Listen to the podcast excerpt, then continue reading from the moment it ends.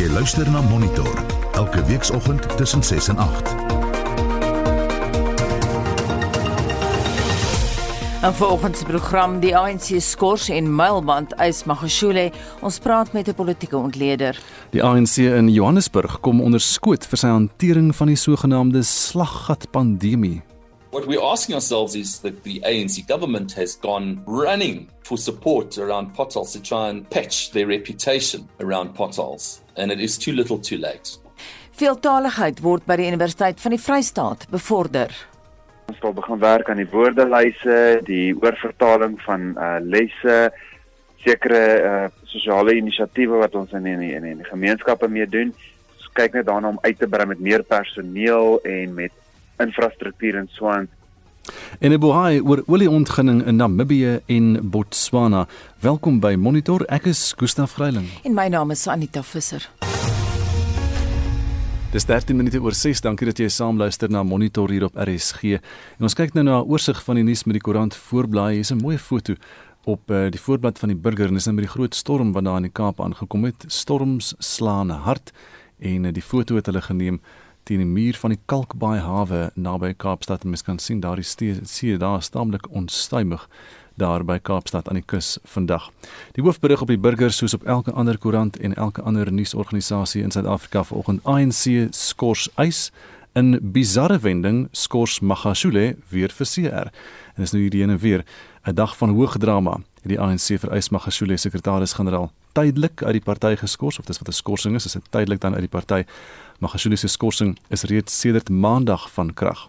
Maar toe nou die dramatiese wending. Toe skryf hy self gisterand ook 'n uh, brief en sê Ramaphosa is met onmiddellike ingang uit die ANC geskort en die berigte in die koerante vandag. Daaroor nog 'n berig op die voorblad van die Burger liters rooi wyn tot niet na tanks omval en uh, vir baie mense is dit natuurlik 'n baie groter tragedie as enigiets anders.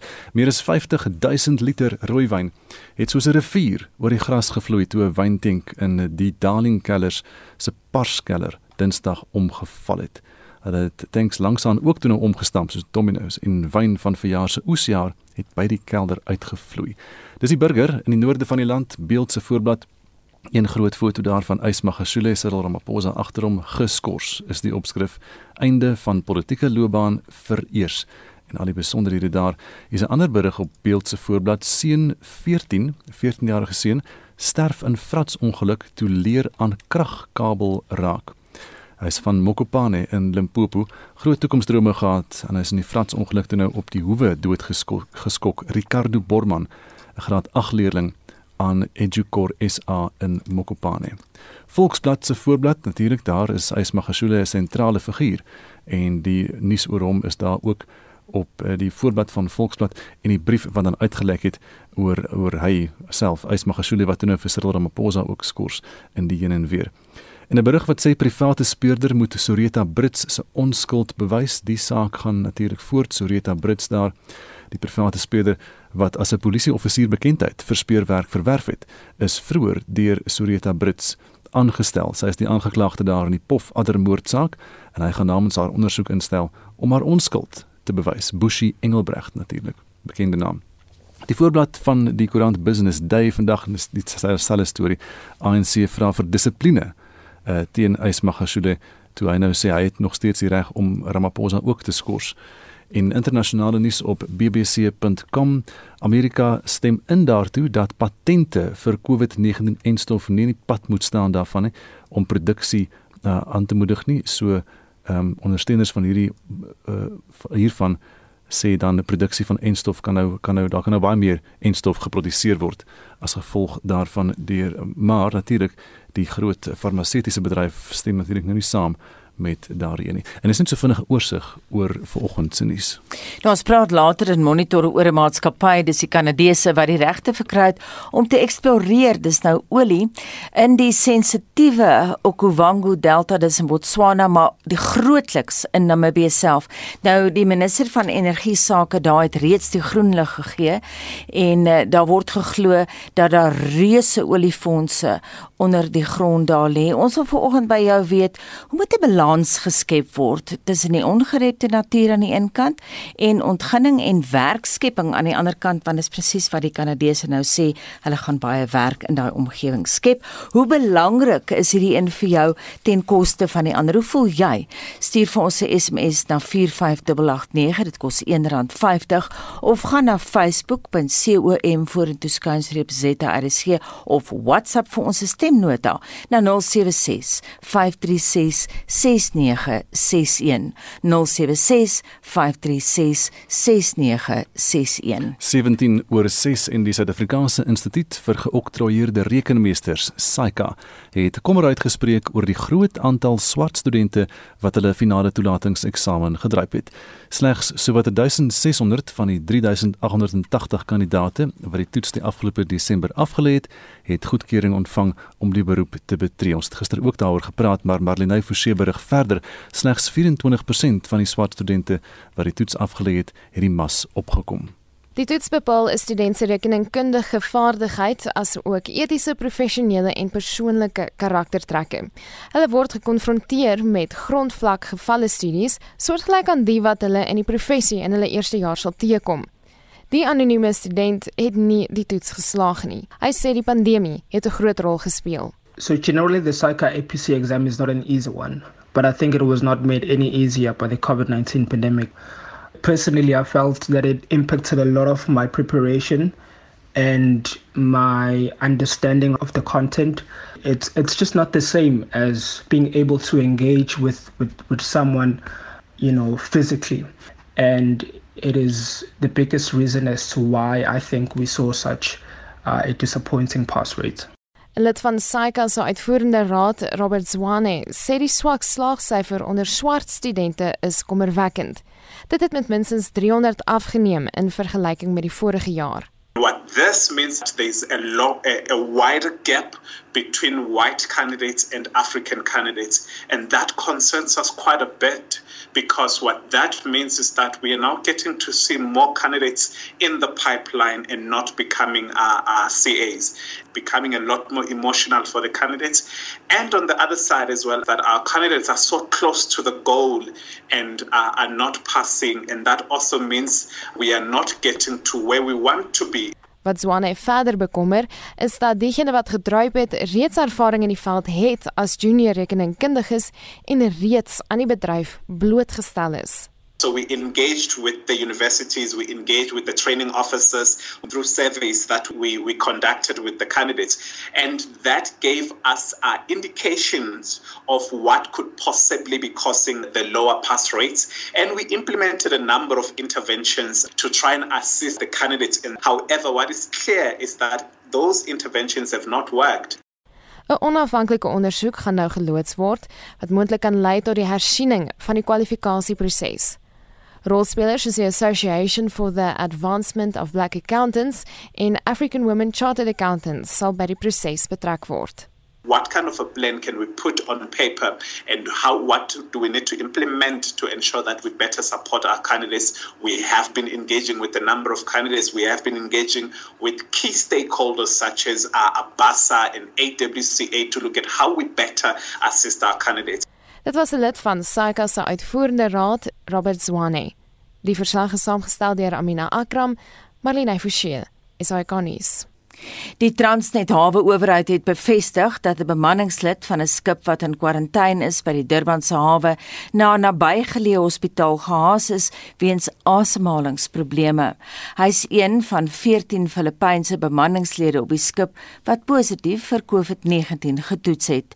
Die skip het Sondag vanuit Indië in Suid-Afrika aangekom en is sedertdien in kwarantyne. Justin Kennedy het al die besonderhede.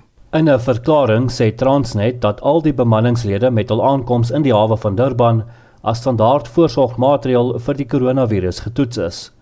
14 bemanningslede het positief getoets. Transnet sê ook die skipsingenieur is aan 'n hartaanval dood.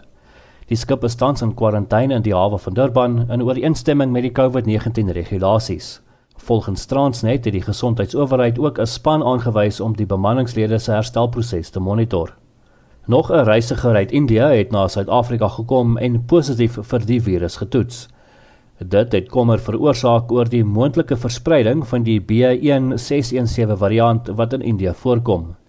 Die Nasionale Instituut vir Oordraagbare Siektes se waarnemende uitvoerende hoof, professor Adrian Puren, het Suid-Afrikaners egter verseker dat die B1617 variant nog nie in die land geïdentifiseer is nie.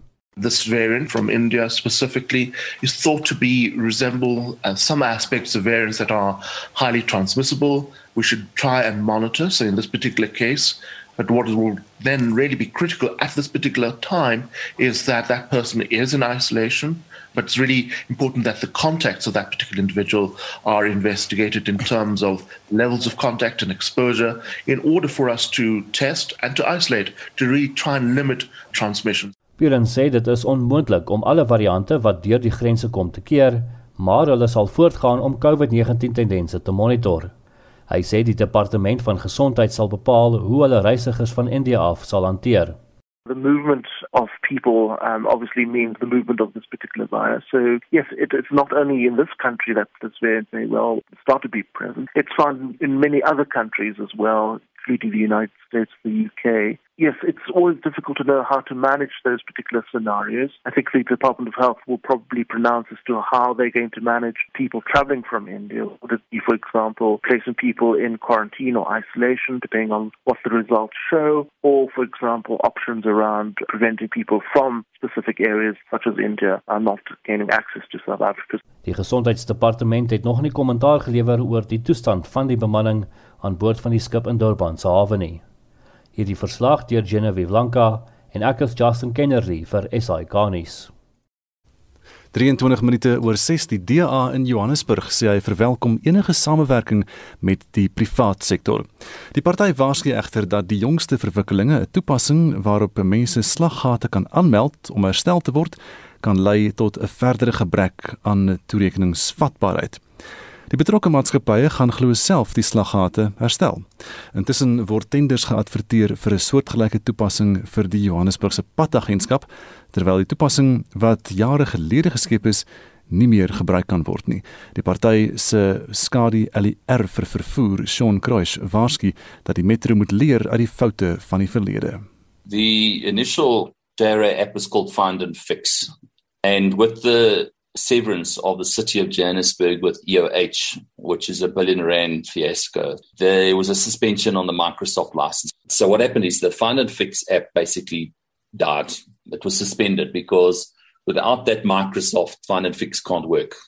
The travesty is that the city bought this app and has subsequently paid 15 plus million rand for it. And we don't own it. So we can't even turn around and say, okay, it's our app, let's go find another way to make it work. We can't touch it because it doesn't belong to us.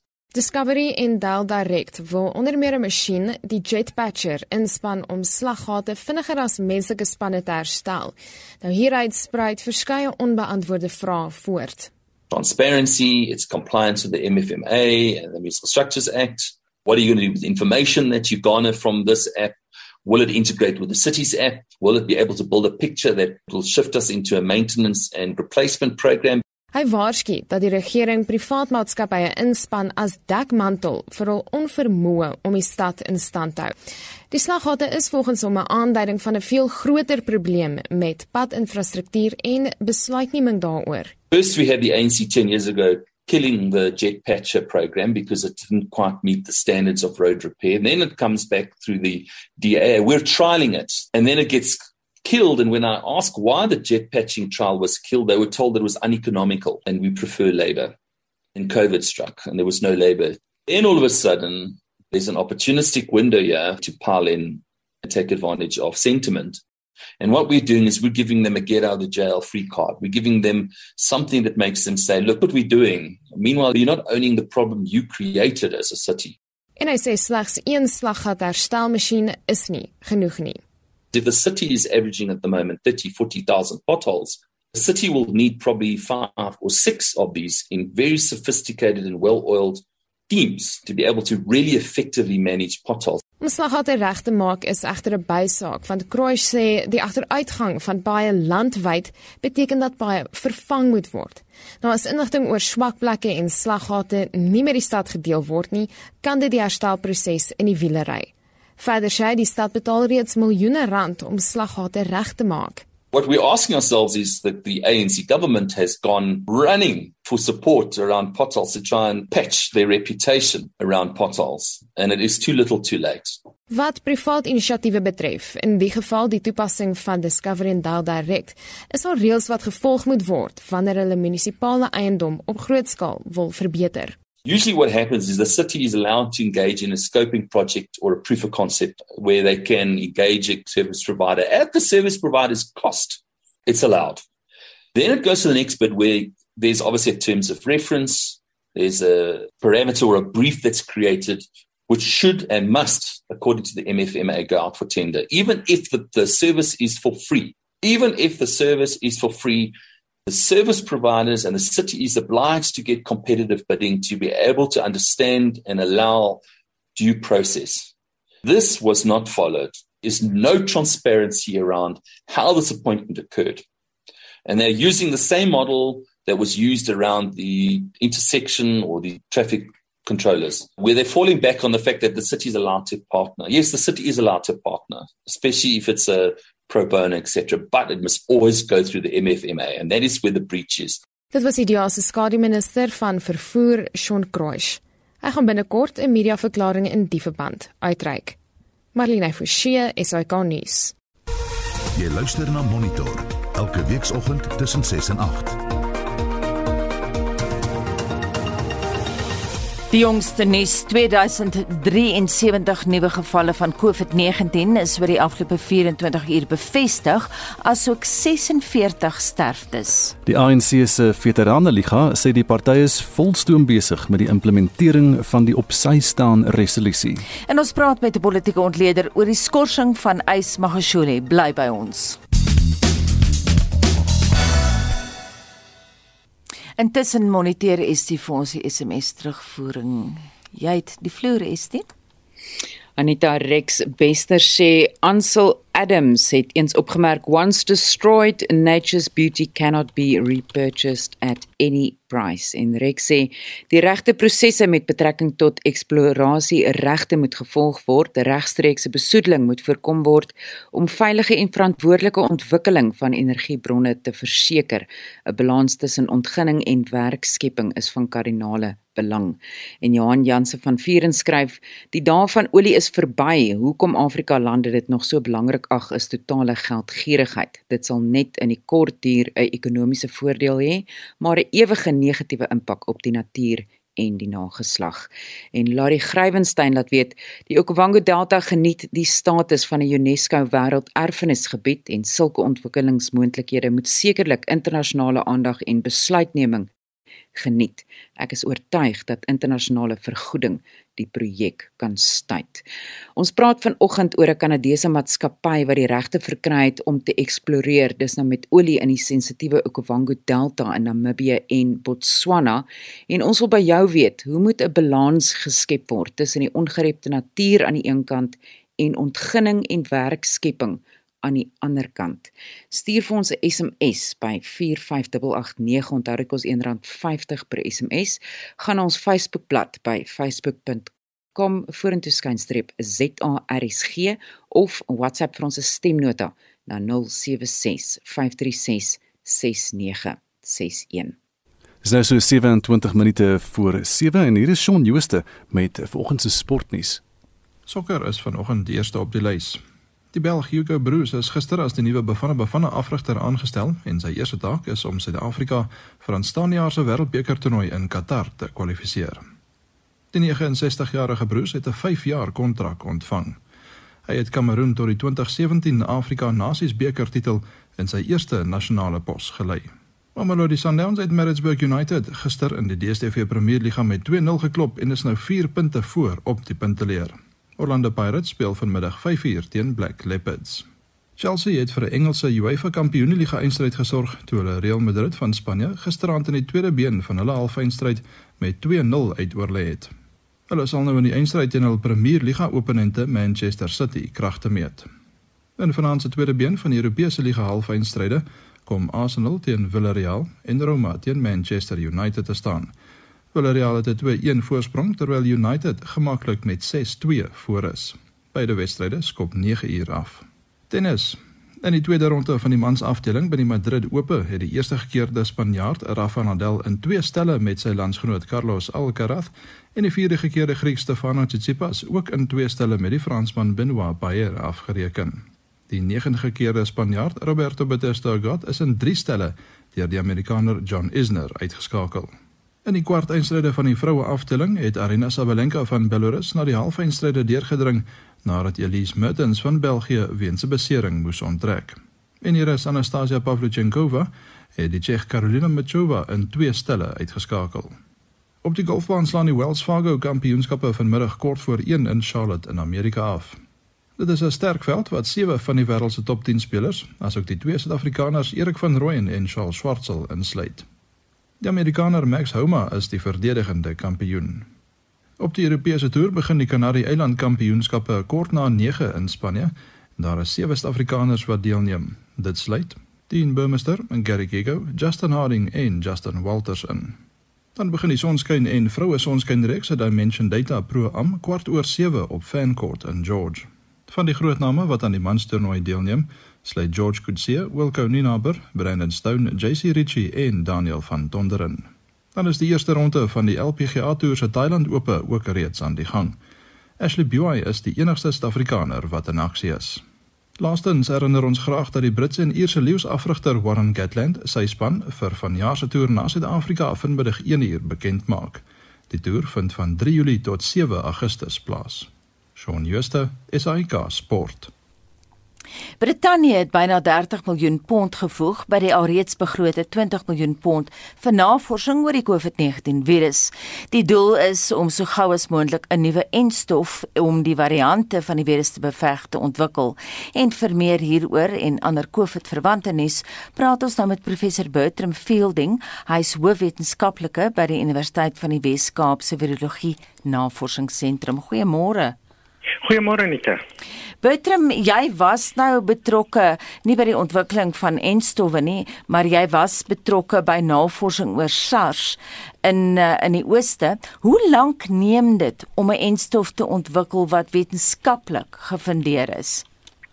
So nie gewoonlik is dit ehm, 'n um, baie lang proses en ons kyk gewoonlik so na 8 tot 10 jaar. Sure. Maar in maar in hierdie geval weet ons um, was dit baie baie vinniger die goeie ding um, vir die variante is dat die tegnologie wat ons tans gebruik vir die COVID um, enstowwe um, net gemodifiseer kan word. So dit behoort um, 'n bietjie vinniger te gebeur. Maar hulle moet baie deeglik wees. Ek sien nou die Britte sê hulle moet ten minste 3000 bloedmonsters per week toets om die teenliggaampies wat opbou teen die verskeie enstowwe te moniteer. Is daai soort modus operandi die internasionale standaard? En dit dit is, ehm um, want ons weet dat hierdie enstowwe teenliggame stimuleer in die liggaam, maar ons moet ook ehm um, dan bestudeer ehm um, teen teen watter variante hierdie teenliggame werk. Die grootste probleem met enstowwe op die oomblik is dat ons net die die spike proteïen gebruik. En as ons kyk na natuurlike infeksies, weet ons dat sekere van die 28 ander proteïene van hierdie virus ook ehm um, die die immuunstelsel stimuleer. So ons ons ons los amper dit uit die uit die studies uit. En dis 'n baie belangrike aspek wat ons ook na moet kyk. Sou daar nie 'n one size fits all inenting ontwikkel kon word wat alle variante die nek kan omdraai nie? En dit is die probleem. So ons ek weet wêreldwyd kyk navorsers nou na medikasies wat eh, 'n uh, one size fit all kan wees. Die probleem met die enstowwe op die oomblik is dat dit soos ek sê, um, spesifiek werk in die spike proteïene en ons moet nou die spike proteïene is die die virus se proteïen wat toelaat dat die virus bind teen ons sel se uh, teen ons liggaam se selle en dan in beweeg.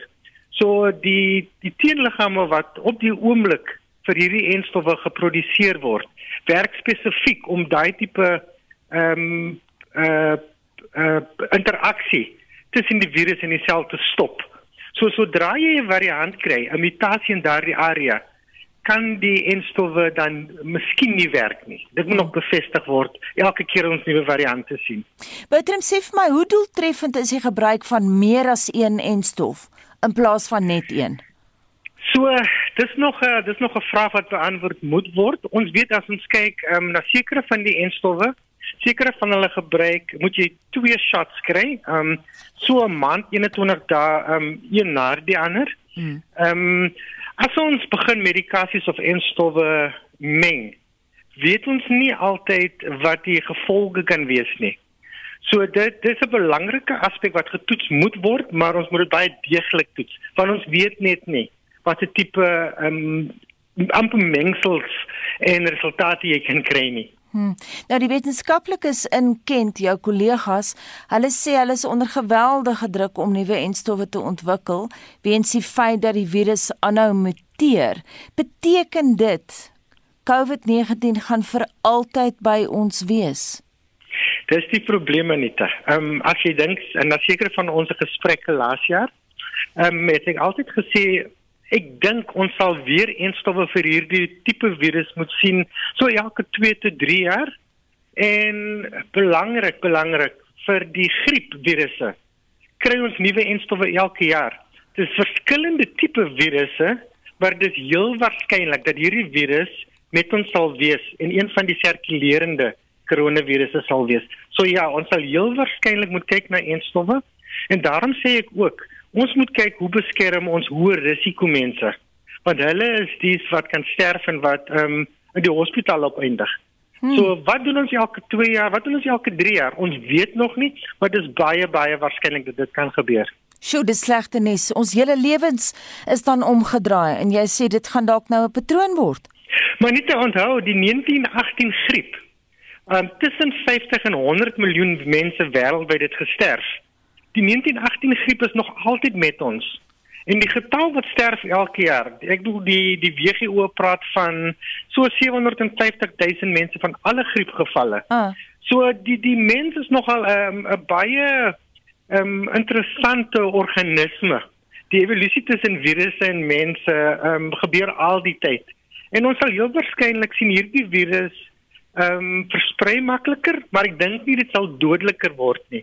So dit sal wees soos een van die ander vier koronavirusse en ons sê hulle veroorsaak die algemene koues elke jaar. Hmm. En tot 30% van algemene koues word veroorsaak deur daai vier sirkulerende ehm um, COVID virus, uh, koronavirusse.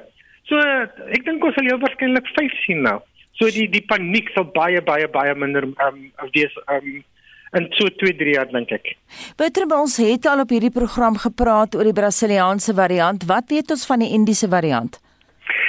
Dit is nog 'n interessante vraag. So uh, uh, hierdie variante lyk asof hulle vinniger versprei.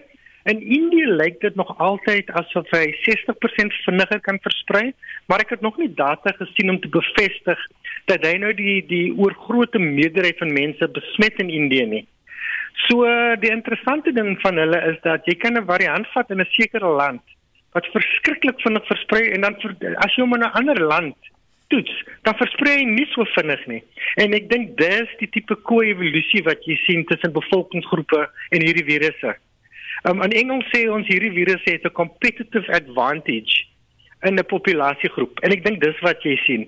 So as ons nuwe variante sien, Ehm um, dink ek nie dis nodig om paniekbevange rond te hardloop nie. Ons moet verstaan wat doen hy en in alle gevalle tot dusver lyk dit asof hulle vinniger versprei, maar definitief nie dodeliker word nie. Nou die VK se hoofgesondheidsamptenaar Dr Jenny Harris sê 'n nuwe variant in Brittanje kan baie maklik lei tot 'n derde vlaag van infeksies. Wanneer kan ons daai derde vlaag hier by ons verwag? Ek is die vraag word ek nog gevra, lyk dit daagliks die afgelope 2 tot 3 weke. Ek is baie bly ek was verkeerd om te sê die derde vlak sal wees oor die Kers, oor die Paasnaweek.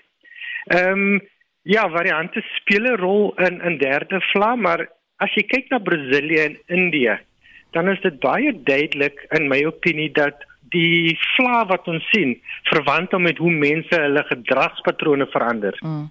So in in Brasilië vir um, waar het ons gehad karnaval groot getal mense en dis hoekom ons 'n derde vlag amper in jonger mense gesien het.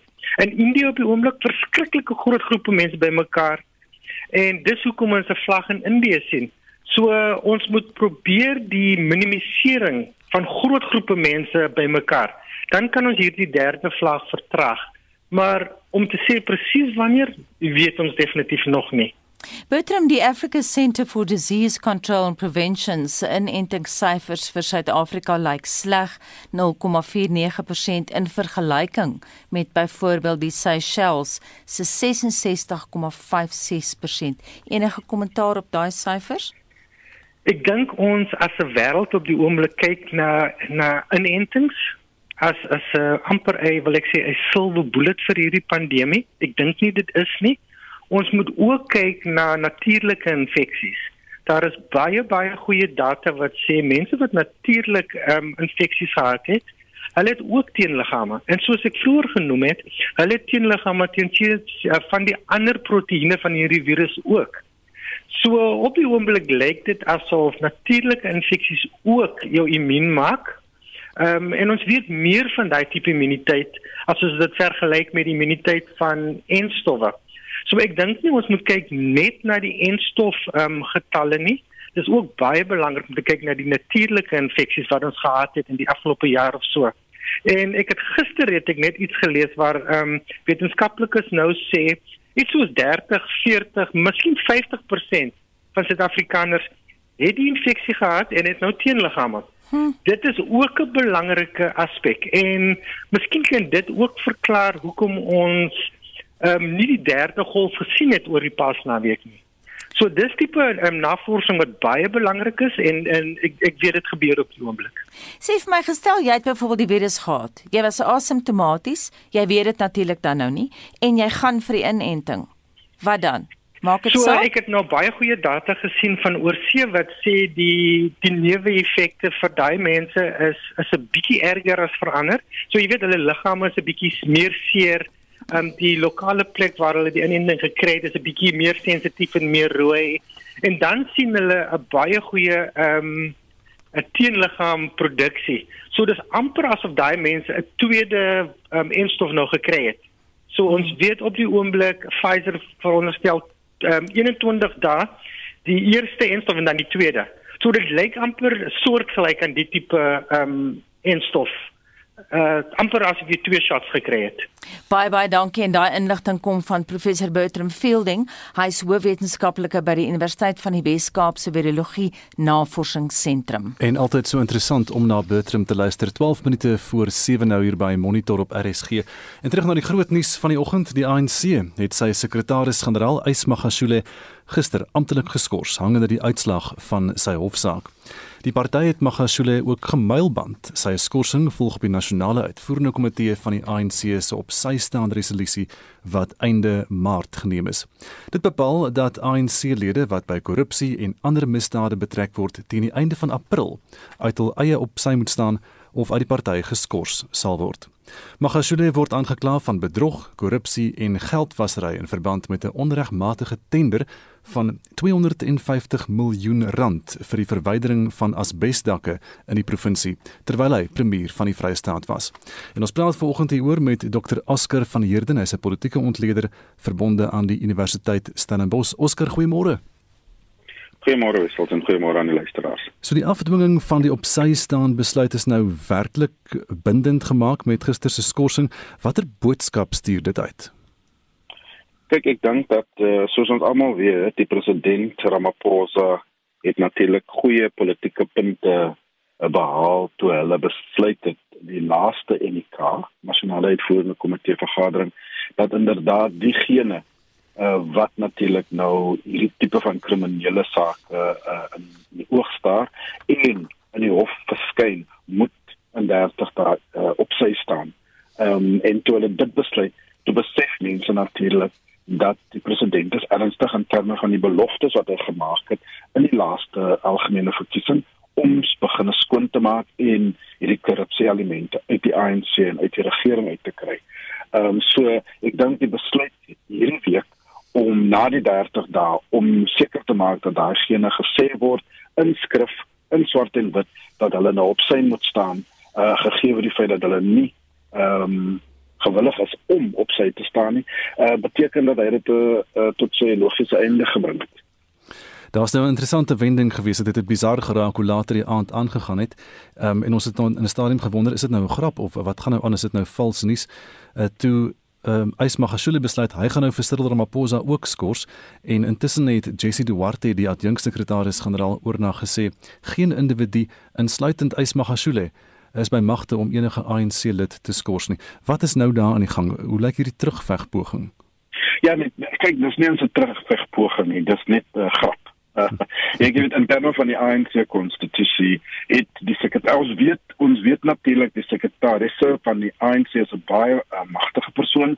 Ehm um, hy of sy kan baie baie besluite neem. Hy of sy word uh altans gesê as die engine van die organisasie en dis meer maar die konstitusie gee nie die sekretaris die die magte om 'n persoon in die NK te skors nie. Ehm um, so ek dink dis 'n baie baie dis dis dis dis dis 'n baie last minute ehm um, soort van tipe terugslaan wat Ysmagashule probeer en ek dink die idee is om te probeer om 'n krisis uh, uh aan te bring sodat die NK wat hierdie naweek gaan gaan uh, sit natuurlik nou wil jy weet hulle moet nou op daai uh, aspek konsentreer maar ek dink die die die kommunikasie van die ANC uh, wat sê dat hulle hulle vra graag dat die sekretarisse ehm um, die besluit van die NK en die nasionale werkingskomitee moet respekteer. Uh met ander woorde, hy was gesê hy moet eenkant toe staan, hy is nie meer die sekretaris nie. Ehm um, tot en met die uitkoms van sy hofsaak. Ehm um, en ek dink die voorsitter van die ANC, Gwede Mantas, het 'n stap verder gegaan om te sê daar's geen manier uh waar 'n individu uh individu uh, natuurlik so besluit kan neem al is hy die sekretaris. Uh, as jy nou dink aan so uh, ek ag Gustav, hmm. jy weet die, die, die proses net om vir hom as die sekretary een kant te laat staan Hy het deur soveel komitees gegaan. Die NK, drie NK's het dit bespreek. Hy het gegaan na die integrity komitee en so aan en so meer. En dan om als daai net op een kant te sit en hy as 'n individueel besluit hy gaan nou die president van die ANC skors. Uh, ek dink uh, almal uh, uh, jy weet ons lag maar stilletjies op kant en en en ek dink dat hierdie naweek die NK gaan eintlik 'n uh, uh, 'n mosie insit om hom te skors. Hm. Een van die dinge wat in die brief genoem word wat wat uh, Jesse Duarte het nou geskryf het aan Ysmagashule, die ANC verbied hom om enige openbare uitlatings namens die party te maak. Hy mag ook nie enige partystrukture, organisasies of individue oor hierdie jongste verwikkelinge byeenroep nie. So sy stem is nou heeltemal stil gemaak, gaan hy stil bly? Kyk, sy stem is stil gemaak en soos ek die ANC ken, het Jesse Duarte al reeds gesê die sleutels uh, van sy kantoor moet uh, gebring word na haar kantoor toe en so aan en die sekuriteit op die op die grondvloer was gesê uh, hy kan nie net in en uitstap nie en so aan. So ek dink ja, dit gaan beteken hy gaan stil bly nie. Maar ek wil tog sê dat indien hy nie stil bly nie uh stap by al hoe nader aan die feit dat hulle hom totaal en geheel en al gaan skors van die ANC. Ehm um, en en en ek dink dis dis dis 'n baie groot uh, punt wat hulle wil maak in terme van Ismagashule sodat Bongo ehm um, en al die anders Gumede en al die anders wat in in dieselfde hulle self in dieselfde situasie bevind, hulle moet kan sien dat as jy opgaan teen die organisasie, teen die politieke party, teen die nasionale uitvoerende komitee, dan gaan jy sneuwel. Uh, en en dan as sover soos die appel storie gaan, jy weet ongelukkig in die in die saak van Supra daar in Noordwes. Gegee die feit dat daai besluit geneem was in die provinsie, kan hy natuurlik 'n uh, appel insit by die nasionale uh, dissiplinêre prosesse. Dit kan hy doen. Dis toegelaat. Maar die NK, die nasionale uitvoerende komitee, as hulle 'n besluit neem, ongelukkig as jou enigste appel na die nasionale konferensie toe. Ehm um, en dis nou eers in Desember 2022. Nou Magashule was in hierdie geval, hy was die groot vis geweest, dis dis die groot simboliese ene. Maar het jy 'n idee van hoeveel ander ANC leiers geskort gaan word? Die Veteranenliga sê vanoggend daar's baie meer.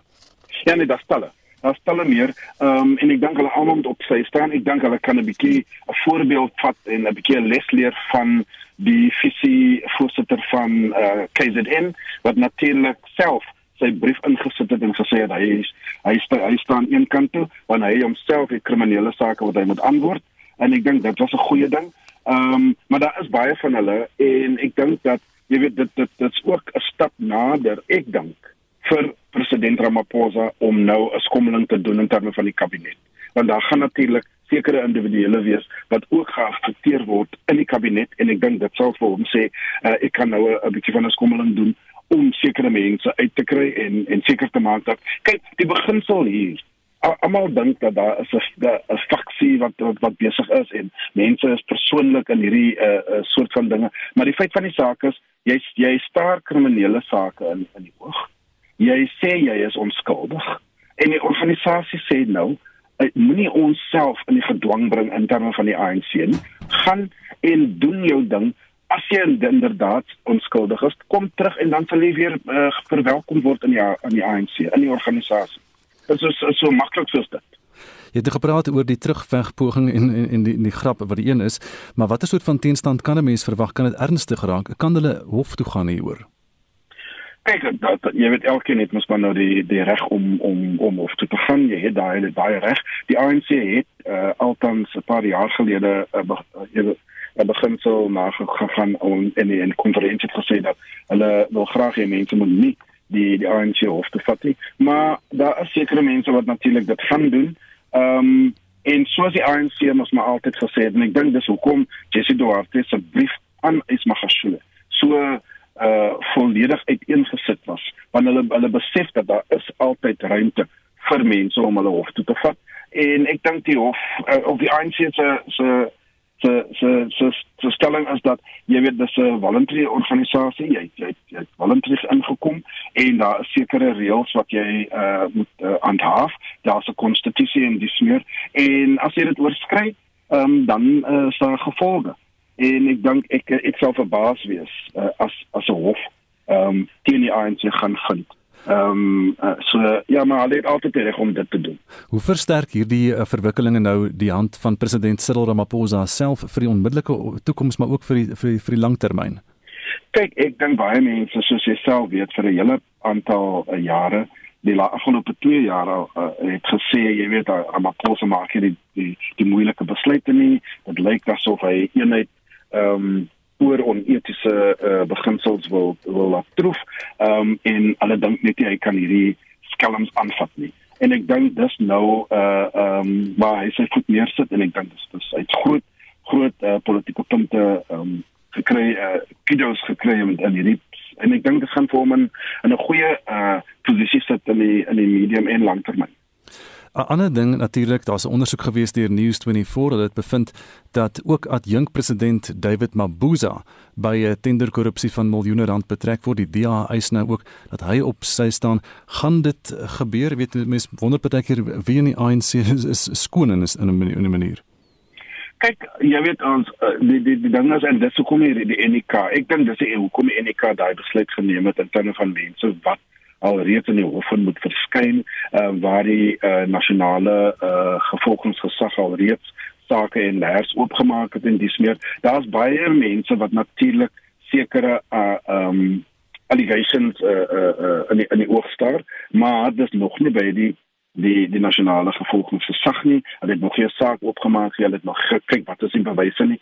En so daar's baie mense wat aantuigings maak daar buite. Ons sê ek sê nie die die die, die vice-president is nie uh uh betrokke met met tenderpreneurs en dis meer maar 'n saak was nog oopgemaak nie die vervolgingsgesag het nog gesê ons dink daar is uh, credible um uh, evidence wat wat wys dat hulle natuurlik 'n saak kan oopmaak teen hom. So in daai geval is hy nog steeds onskuldig. En ek dink dis hoekom die ANC daai daai beginsel uh, en besluit geneem het. Al indien jy alreeds nou die gesag 'n uh, uh, saak oopgemaak het en jy is in die hof dan moet jy op sy staan. So jy weet ek dink dat ehm um, uh, hulle seker besig met 'n ondersoek om seker te maak daar is bewyse. Ehm um, en indien daar is, sal Didi Mabuza natuurlik moet antwoord vir sy vir sy oortredings. Oscar baie dankie ons hou hierdie situasie dop soos wat hy ontvou nou hier oor in die nag en uh, vandag natuurlik ook Dr Oscar van Heerden is 'n politieke ontleder en hy is verbonde aan die Universiteit Stellenbosch. As jy nie die nuus gehoor het nie, ons praat later in diepte hieroor. Anders as sy buurland Angola het Namibië tot dusver nog geen oliebedryf nie, maar dinge blyk nou drasties te verander nadat 'n Kanadese oliemaatskappy die reg verkry het om olie op groot skaal te ontgin. Nou die gebied is baie groot, 30000 vierkante kilometer en dit sny oor die grens met Botswana en potensiaal lê daar blykbaar 12 miljard vate se olie onder die grond om ontgin te word. Ons praat later na 7 hieroor. Intussen bring dit ons by die 7 uur nuus en Gustaf sit reg om dit te lees.